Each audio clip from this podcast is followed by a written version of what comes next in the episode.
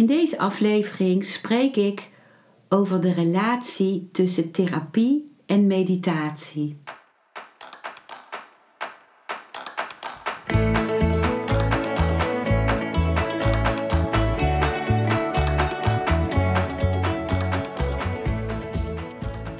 Welkom bij een nieuwe aflevering van Modita's podcast Van Pijn naar Zijn. De podcast waarin ik je meeneem voorbij de pijn in je leven naar wie je diep van binnen bent. Hoe kun je beter omgaan met je gevoelens? Hoe vind je rust in je hoofd? Wat zit er precies achter je pijn? En vooral, hoe kun je steeds meer jezelf zijn? Adem eens diep in en uit. Ik wens je veel luisterplezier.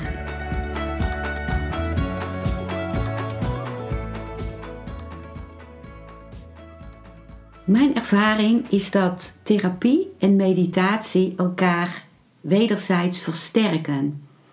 En daarom vind ik het belangrijk om hier een podcastaflevering aan te wijden. De waarde van therapie is dat je contact gaat maken met je emoties. Dat je gaat voelen wat er nu eigenlijk aan emoties in jou speelt. Je gaat contact maken met uh, verdriet, bijvoorbeeld, en met uh, woede. Uh, dat zijn de emoties die heel vaak onderdrukt zijn. Bij mannen is heel vaak het verdriet onderdrukt, omdat gezegd wordt: mannen huilen niet. En bij vrouwen is heel vaak woede onderdrukt. Vrouwen gaan vaak huilen als ze eigenlijk woedend zijn. En dan heeft dat huilen ook helemaal geen effect bij iemand, omdat die persoon voelt dat daar woede onder zit. En ook bijvoorbeeld bij depressie, dat is mijn eigen ervaring, is dat woede en verdriet helemaal onderdrukt zijn. Dat je daar gewoon helemaal geen contact meer mee hebt. Dus in therapie ga je, je, ga je leren om je gevoelens te voelen en te ervaren ook en te, en te erkennen ook. En het is belangrijk dat er iemand bij je is, de therapeut, die niet wegloopt voor jouw gevoelens. Omdat uh, als kind, als je bijvoorbeeld boos was, dan werd je dat meestal niet in dank afgenomen. De ouder of de leraar of welke volwassene dan ook om je heen, die voelt zich afgewezen als je boos bent. En die gaat je dan ook nog veroordelen om die emotie of het proberen te stoppen, waardoor je in feite nog bozer wordt vaak. En ook dat moet je dan weer gaan onderdrukken. En uiteindelijk heeft je lichaam zich dan uit een soort zelfbescherming vastgezet om niet meer steeds je spieren eraan te herinneren dat ze niet mogen slaan en dat ze niet mogen schoppen. En dan krijg je dus overal blokkades in je lichaam, in je schouders, in je, in je rug, in je kaken. Je gaat tanden knarsen omdat daar spanning bij je kaken komt. En uh, die emoties lijken dan helemaal verdwenen te zijn. En jouw uh, leven kan weer meer gaan stromen als je daar weer contact mee krijgt. Dus het is belangrijk dat er, dat er een therapeut is die niet wegloopt van jouw emoties. Die als jij boos bent gewoon aanwezig blijft.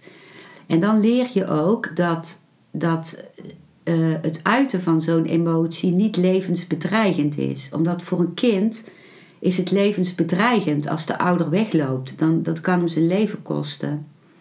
Dus als een therapeut blijft, als je woedend bent en als die therapeut niet met je mee gaat huilen als je verdriet hebt of, of helemaal met je versmelt, wat misschien ook als kind gebeurd was. Of dat bijvoorbeeld je ouder eigenlijk de emotie van de verdriet opeiste. Dat hij aan je liet weten van ik ben veel verdrietiger dan jij. Ik heb veel meer meegemaakt in mijn leven dan jij.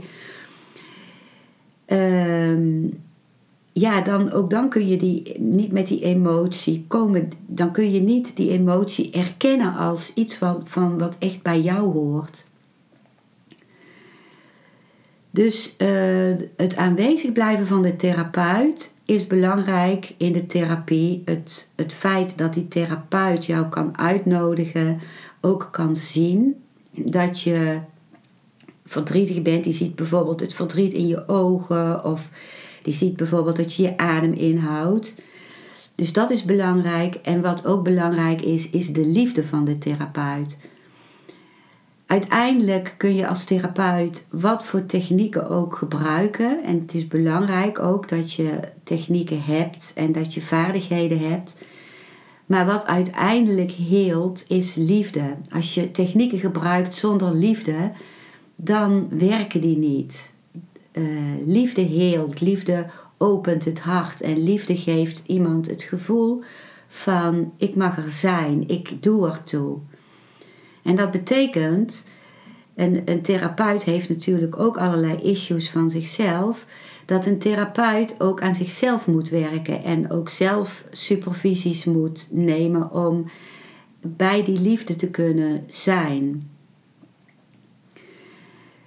Therapie in een groep kan ook heel wezenlijk zijn, omdat in contact met anderen kun je dingen oefenen die je in een individuele therapie niet kunt oefenen. En dat is vaak uh, ook nog veel spannender dan een individuele therapie. In een groep kun je oefenen in het bewaken, leren bewaken van je grenzen, omdat je alleen maar contact kunt maken met iemand en in contact kunt gaan en in verbinding kunt gaan als je ook je grenzen kunt stellen. En dat is iets wat we vaak niet geleerd hebben om een grens te kunnen en mogen stellen. Ook als we dat deden vroeger, dan voelde een ouder of een leraar of uh, welke volwassene dan ook om ons heen zich vaak afgewezen. Terwijl het belangrijk is om je eigen ruimte, jouw eigen territorium te hebben. En wat je ook kunt leren in een groepstherapie is om dan te durven uitreiken naar een ander. En om de angst te verdragen die daarmee gepaard kan gaan. En in een groepstherapie kun je leren om te dealen met eh, conflicten. In plaats van ze uit de weg te gaan. Of geen contact meer aan te gaan met anderen omdat je dan bang bent om afgewezen te worden. En je kunt ook in een groepstherapie ervaren dat je niet de enige bent met de gevoelens die je hebt. Vaak denk je dat je de enige bent die woede heeft, of die verdriet heeft, of jaloezie of haat. Omdat mensen, ehm, en daar hoor ik ook bij, een masker dragen. Een masker van een, een glimlach, een vriendelijke lach. En het lijkt dan, als je die mensen zo op straat tegenkomt of op een feestje, dat het heel goed gaat met iedereen. Terwijl je helemaal niet weet wat mensen in zichzelf verbergen. Achter dat masker van het gaat goed met mij.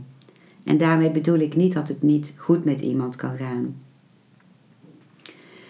Dus therapie is, kan zeker waardevol zijn. En mijn ervaring is dat dat vooral ook geldt voor lichaamsgerichte therapie. Dus emotioneel lichaamswerk of bio, uh, bioenergetica of uh, psychomotorische therapie. Uh, een therapievorm waarbij ook het lichaam, de het lichaamsgevoel en het, de gevoelens worden meegenomen. Maar uiteindelijk is het de bedoeling in mijn visie en ook in de visie van mijn Oosterse meester Osho, dat therapie je, je moet openen voor meditatie. Omdat uh, meditatie brengt je in contact met jouw kern, met jou, wie jij in wezen bent. Uh, en dat gebeurt door met meditatietechnieken brengen jou in het hier en nu. Uh, en in het hier en nu is meestal geen probleem. Probleem zit meestal in het denken over de toekomst of het bezig zijn met het verleden. Maar als je nu kijkt wat er nu is, dan is meestal is er uh, rust of uh, kun je gewoon uh, om je heen kijken naar de natuur en geluiden horen. En is er dat probleem waar je alsmaar over aan het malen was, niet. En meditatie um, kan je ook helpen om wat er in de therapie gebeurt, om daar beter open voor te staan. Omdat meditatie je bij jezelf, bij je eigen kern brengt en bij het hier en nu, kun je dan ook in de therapie veel meer focussen op wat er is en ook veel beter blijven bij dat waar de therapeut jou mee helpt om naar te kijken. Als ik een sessie geef aan iemand, een familieopstellingen uh, sessie of een consult, dan nodig ik degene altijd uit om ook te mediteren. En dat kan ook yoga zijn, of tai chi, of qigong, of uh, in stilte in de natuur wandelen of zitten, of uh, mindfulness. Maar vooral meditatietechnieken die je in het hier en nu brengen, die je bij jezelf brengen en bij wie je in wezen bent, voorbij alle woorden en voorbij de mind. Want als je niet mediteert, dan kun je je hele leven therapie blijven doen. Omdat je hebt het ene probleem opgelost met de therapie en dan dient zich het volgende probleem aan. Want uh, de, de diepere wortel bijvoorbeeld van, van uh, het je vereenzelvigen met de woede en met het verdriet. Het denken dat jij die woede of dat verdriet of die jaloezie of die haat bent. Dat geeft dat je erin verstrikt blijft. Terwijl je met meditatie je bewust uh, bij het bewustzijn komt dat jij niet je gevoelens en je emoties en je gedachten en de pijn in je lichaam bent. Je bent alleen het bewustzijn wat dat waarneemt. En uh, met meditatie, dat is ook mijn eigen ervaring, krijg je een anker in jezelf. En in feite ben je daarmee geboren. Je bent in een staat van meditatie geboren. Een baby was nog helemaal in het hier en nu. Dat zie je ook. Een baby kijkt, luistert. Uh, die is gewoon elk, elk moment daar waar die is. Niet in gedachten verzonken, want die heeft hij nog niet. Uh, niet bezig met de toekomst of met het verleden. Die baby is hier en nu. En dat is uh, iets wat wij hebben afgeleerd voor een stuk, omdat we ons alle regels van de maatschappij eigen moesten maken, maar waarbij we weer terug moeten keren, weer uh, en nu vanuit eigen beweging. En dat is een soort tweede geboorte. Dat is zo waardevol. En daarmee zeg ik niet dat het altijd gemakkelijk is om te mediteren, omdat je ook heel veel alle afleidingen tegenkomt en omdat je ook in contact komt met emoties die je onderdrukt hebt. En als dat um, te heftig is, die emoties waar je mee in contact komt, dan kun je daar een stuk therapie op doen. Maar als je alleen bij de therapie blijft en jou de meditatie zelf niet eigen maakt, dan is het een gebed zonder einde. Dan kun je echt je hele leven therapie blijven doen en dan ga je nog steeds geïdentificeerd met je problemen ook dood.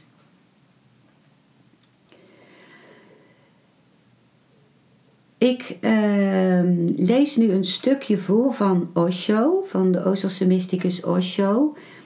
Uh, en die woorden van Osho zijn opgeschreven in het boek The Last Testament, volume 2, hoofdstuk 16. Dus hier komen de woorden van Osho. Mijn therapeuten moeten meditatie introduceren als het centrum van therapie. En al het andere moet eromheen draaien. dan hebben we van therapie iets heel waardevols gemaakt. Dan is het niet alleen de behoefte van degenen die ziek zijn of van degenen die op de een of andere manier mentaal uit balans zijn of van degenen die angst, jaloezie en geweld voelen. Dit is het negatieve deel van therapie.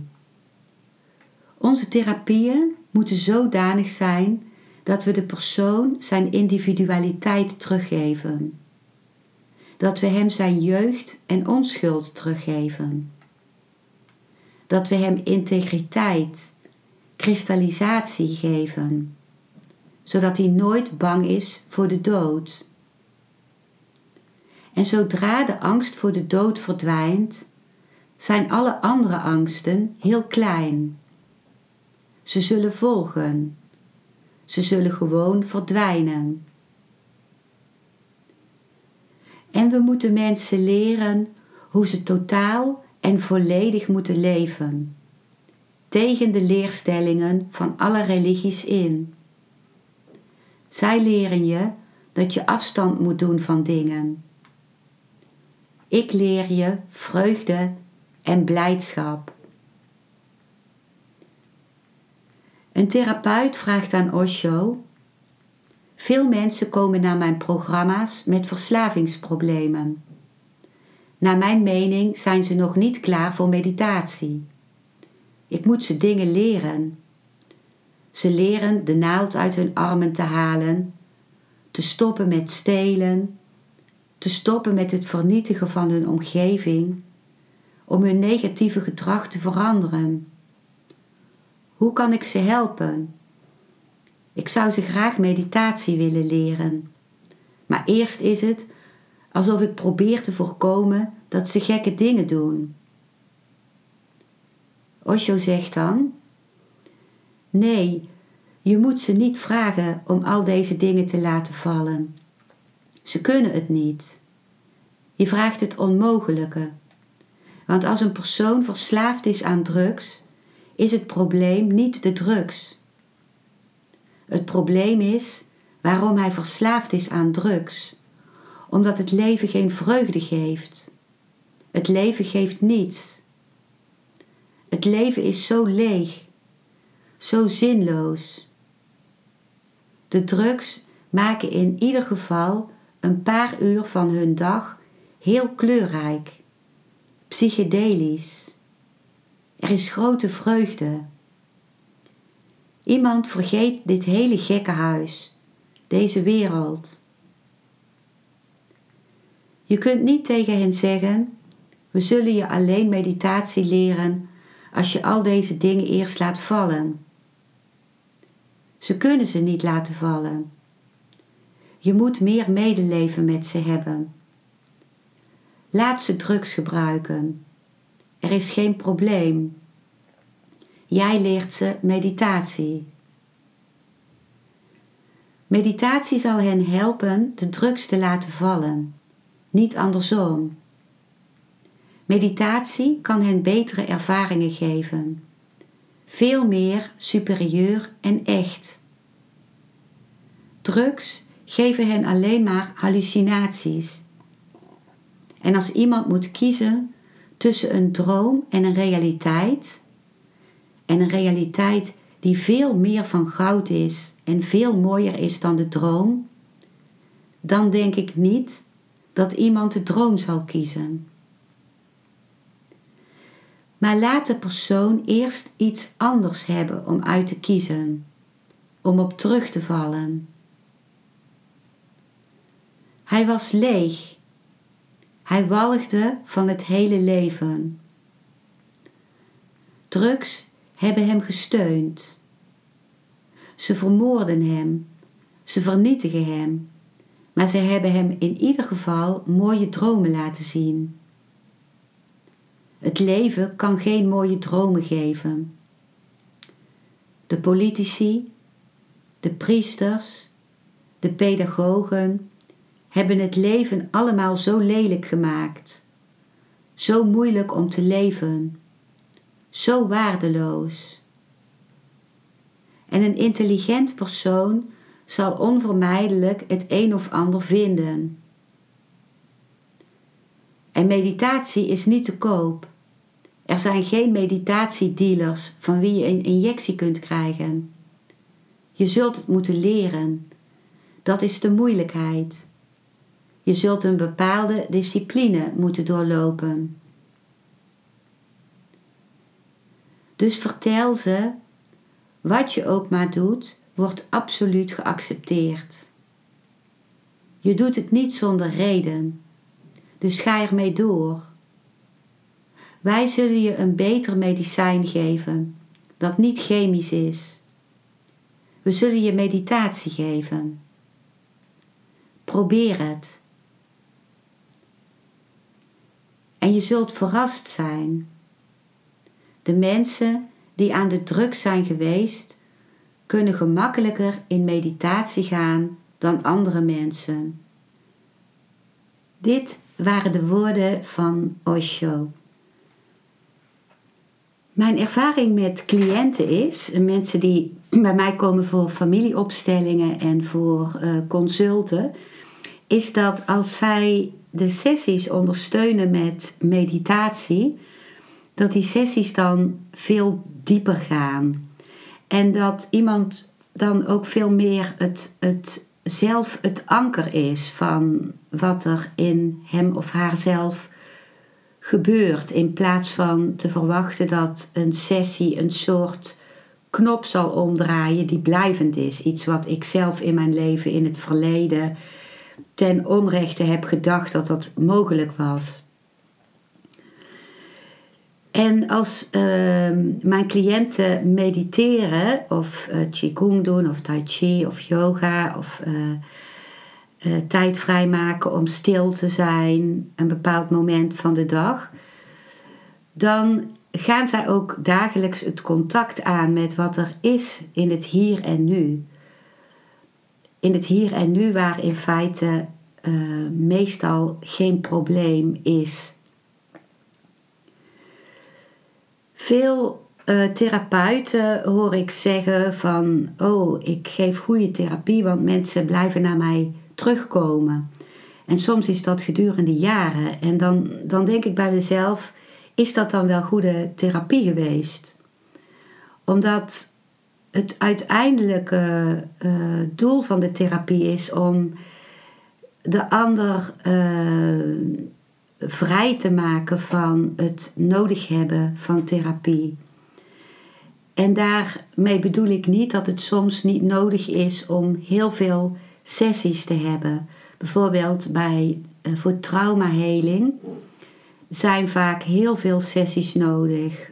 Uh, omdat uh, dat proces alleen in hele kleine stapjes kan gaan. In feite gaat elk proces alleen in hele kleine stapjes omdat het zich dan kan integreren. En bij traumaheling is het zo dat als je een te grote stap zet, dat dat dan betekent dat je in feite drie stappen achteruit gaat, omdat het zenuwstelsel dan overbelast wordt en mogelijk gehertraumatiseerd. En ook bij bijvoorbeeld eetproblemen uh, zijn vaak veel sessies nodig, omdat er vaak een, uh, een gebrek aan identiteit, aan het hebben kunnen opbouwen van identiteit, aan ten grondslag ligt. Maar meditatie kan alles ondersteunen, alle therapie ondersteunen en kan ook dingen uh, uh, openen waar met therapie weer op verder kan worden gegaan. En omgekeerd opent, kan therapie dingen openen waarbij je met meditatie dat weer verder kunt integreren. Nu lees ik een stuk voor uit mijn boek Depressie, een opstap naar geluk. Uh, ik lees een stuk voor uit het hoofdstuk Osho actieve meditaties. In mijn boek over depressie heb ik de waarde van therapie beschreven en heb ik ook twee hoofdstukken gewijd aan meditatie. Dus hier komt het stuk uit mijn boek. Mijn boek, de link naar dat boek, die vind je in de beschrijving onder deze podcastaflevering. Osho actieve meditaties. Dit hoofdstuk begint met een tekst van de Osho, met woorden van Osho. Het mentale alleen is niet voldoende. Het lichaam moet worden ingebracht. Dat is waarom ik je in mijn meditatietechnieken niet als gescheiden zie. Je bent één. Wanneer je mind zich kwaad voelt, sta je lichaam toe om kwaad te zijn. Wanneer je mind zich blij voelt, sta je lichaam toe om te dansen.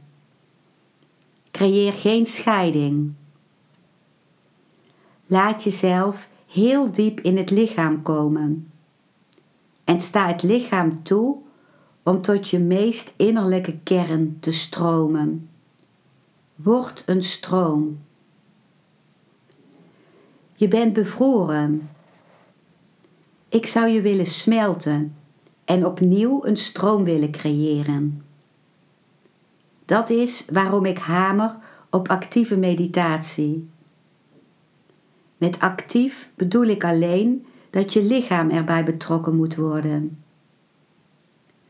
Wanneer je alleen maar in een Boeddha-houding zit, kun je doorgaan met denken en denken en denken. Het lichaam is er niet bij betrokken.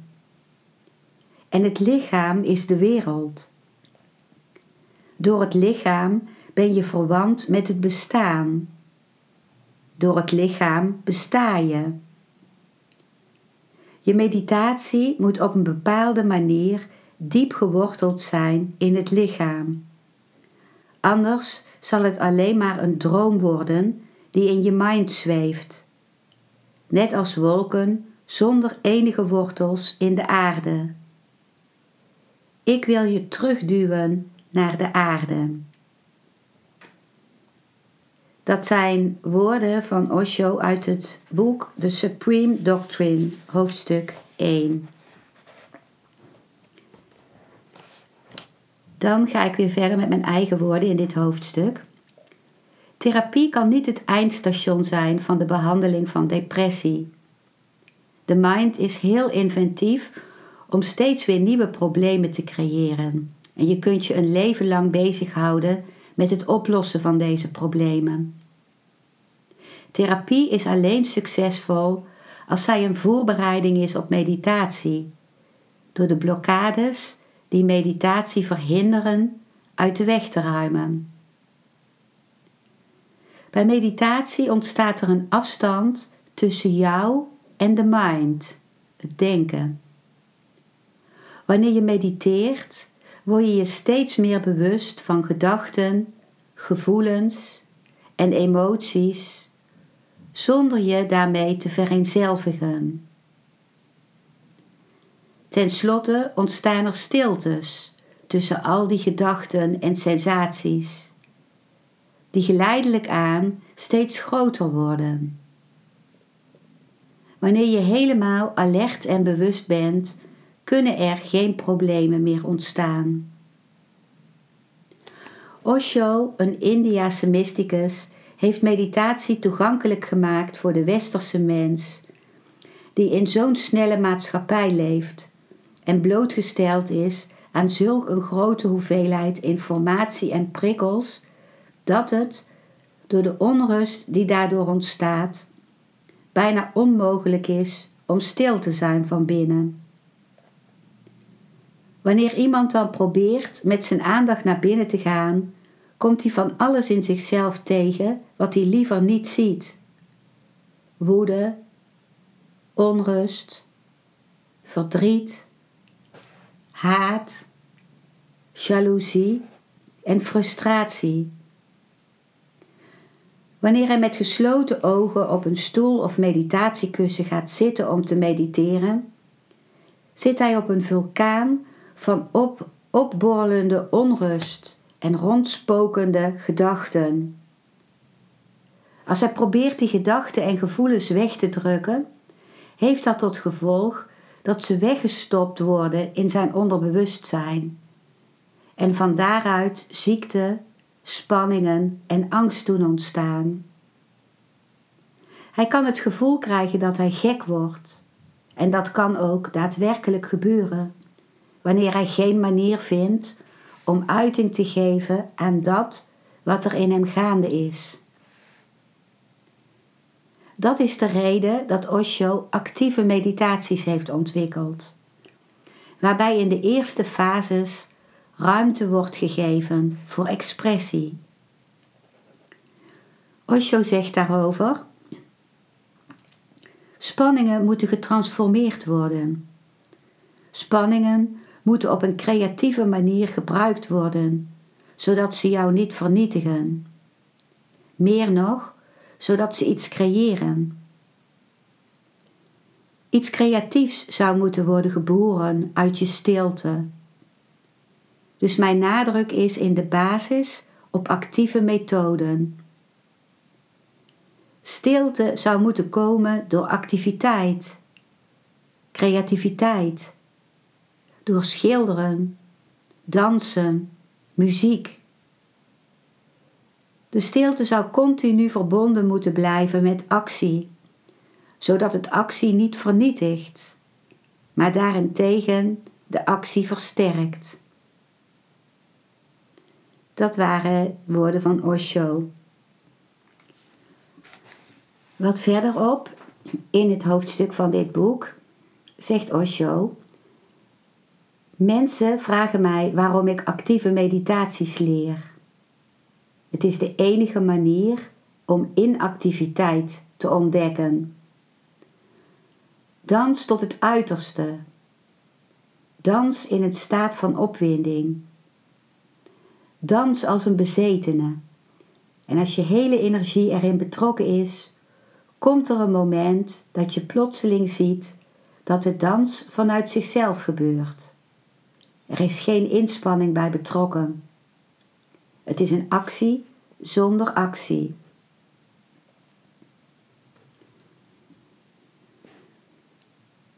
En dan ga ik weer verder met mijn eigen woorden. Osho benadrukt dat de actieve meditaties slechts technieken zijn die ons helpen onze energie in beweging te zetten en de ruimte creëren, te creëren waarin meditatie kan gebeuren. Maar dat de uiteindelijke meditatie een staat van niet doen is. Osho zegt dan: het belangrijkste deel van het leven, het centrale deel van het leven, zou als een gebeuren moeten zijn. Zoals de bliksem gebeurt in de wolken, zo gebeurt goddelijkheid. Zoals rivieren naar de oceaan blijven stromen en daarin oplossen, zo gebeurt liefde. Zo gebeurt meditatie. Het heeft niets te maken met jouw doen. Jouw doen is er niet essentieel voor om het, om het te laten gebeuren. Het kan gebeuren wanneer je zit en niets doet. In feite gebeurt het alleen wanneer je niets doet en zit. Ik dring er bij je op aan dat je veel dingen doet als methoden, maar dat aandringen is alleen hierom. Dat je moe moet zijn. Anders zul je niet gaan zitten. Psychiater Gradus van Florenstein beschrijft het belang van meditatie bij het doorbreken van het isolement bij depressie. In mijn boek citeer ik deze woorden van hem. Woorden van psychiater Gradus van Florenstein uit het boek, uit zijn boek De depressie vanuit verschuivend perspectief.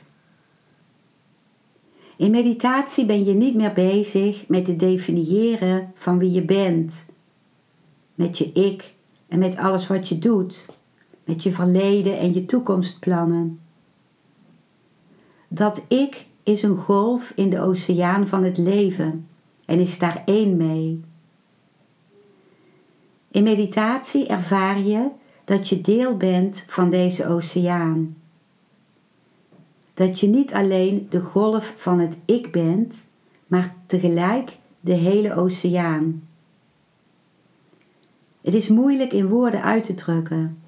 En toch is het zo belangrijk bij depressie. Als je depressief bent, ben je van deze eenheid afgesneden. Je bent geïsoleerd van het bestaan om je heen en van de ziel in jezelf. Dit was een stuk van een hoofdstuk uit mijn boek Depressie, een opstap naar geluk. Om, ehm, om een voorbeeld te geven van wat meditatie kan doen voor depressie. En ehm, ook in mijn tweede boek, Honger naar Vervulling, een boek dat gaat over de oorzaken en bevrijding van eetproblemen, heb ik het hele tweede deel van het boek gewijd aan zowel therapie als meditatie. En ook aan het belang van de wederzijdse bevruchting van therapie en meditatie. Dit was wat ik in deze aflevering wilde delen. Dankjewel voor het luisteren naar deze aflevering. Ik hoop dat hij je een nieuw inzicht of perspectief heeft gegeven. Ik hou van interactie, dus als je iets wilt delen, stuur me dan een mailtje op info@genietenvanmeditatie.nl. Ik geef je dan altijd antwoord. Ik wens jou dat je vreugde in het dagelijks leven zult ervaren en innerlijke rust. En dat je steeds meer je pijn zult kunnen omvormen in zijn. Je kunt de afleveringen van deze podcast volgen via Spotify, Google Podcast, Apple Podcast en Podbean door op de volg- of abonneerknop te klikken. Als je luistert via de Apple Podcast, dat kan alleen als je een iPhone hebt, heb je een extra voordeel. Omdat als je op de knop abonneren klikt, je steeds een berichtje op je mobiele telefoon ontvangt als er weer een volgende aflevering van mijn podcast verschijnt. Je bent van harte welkom bij die volgende aflevering.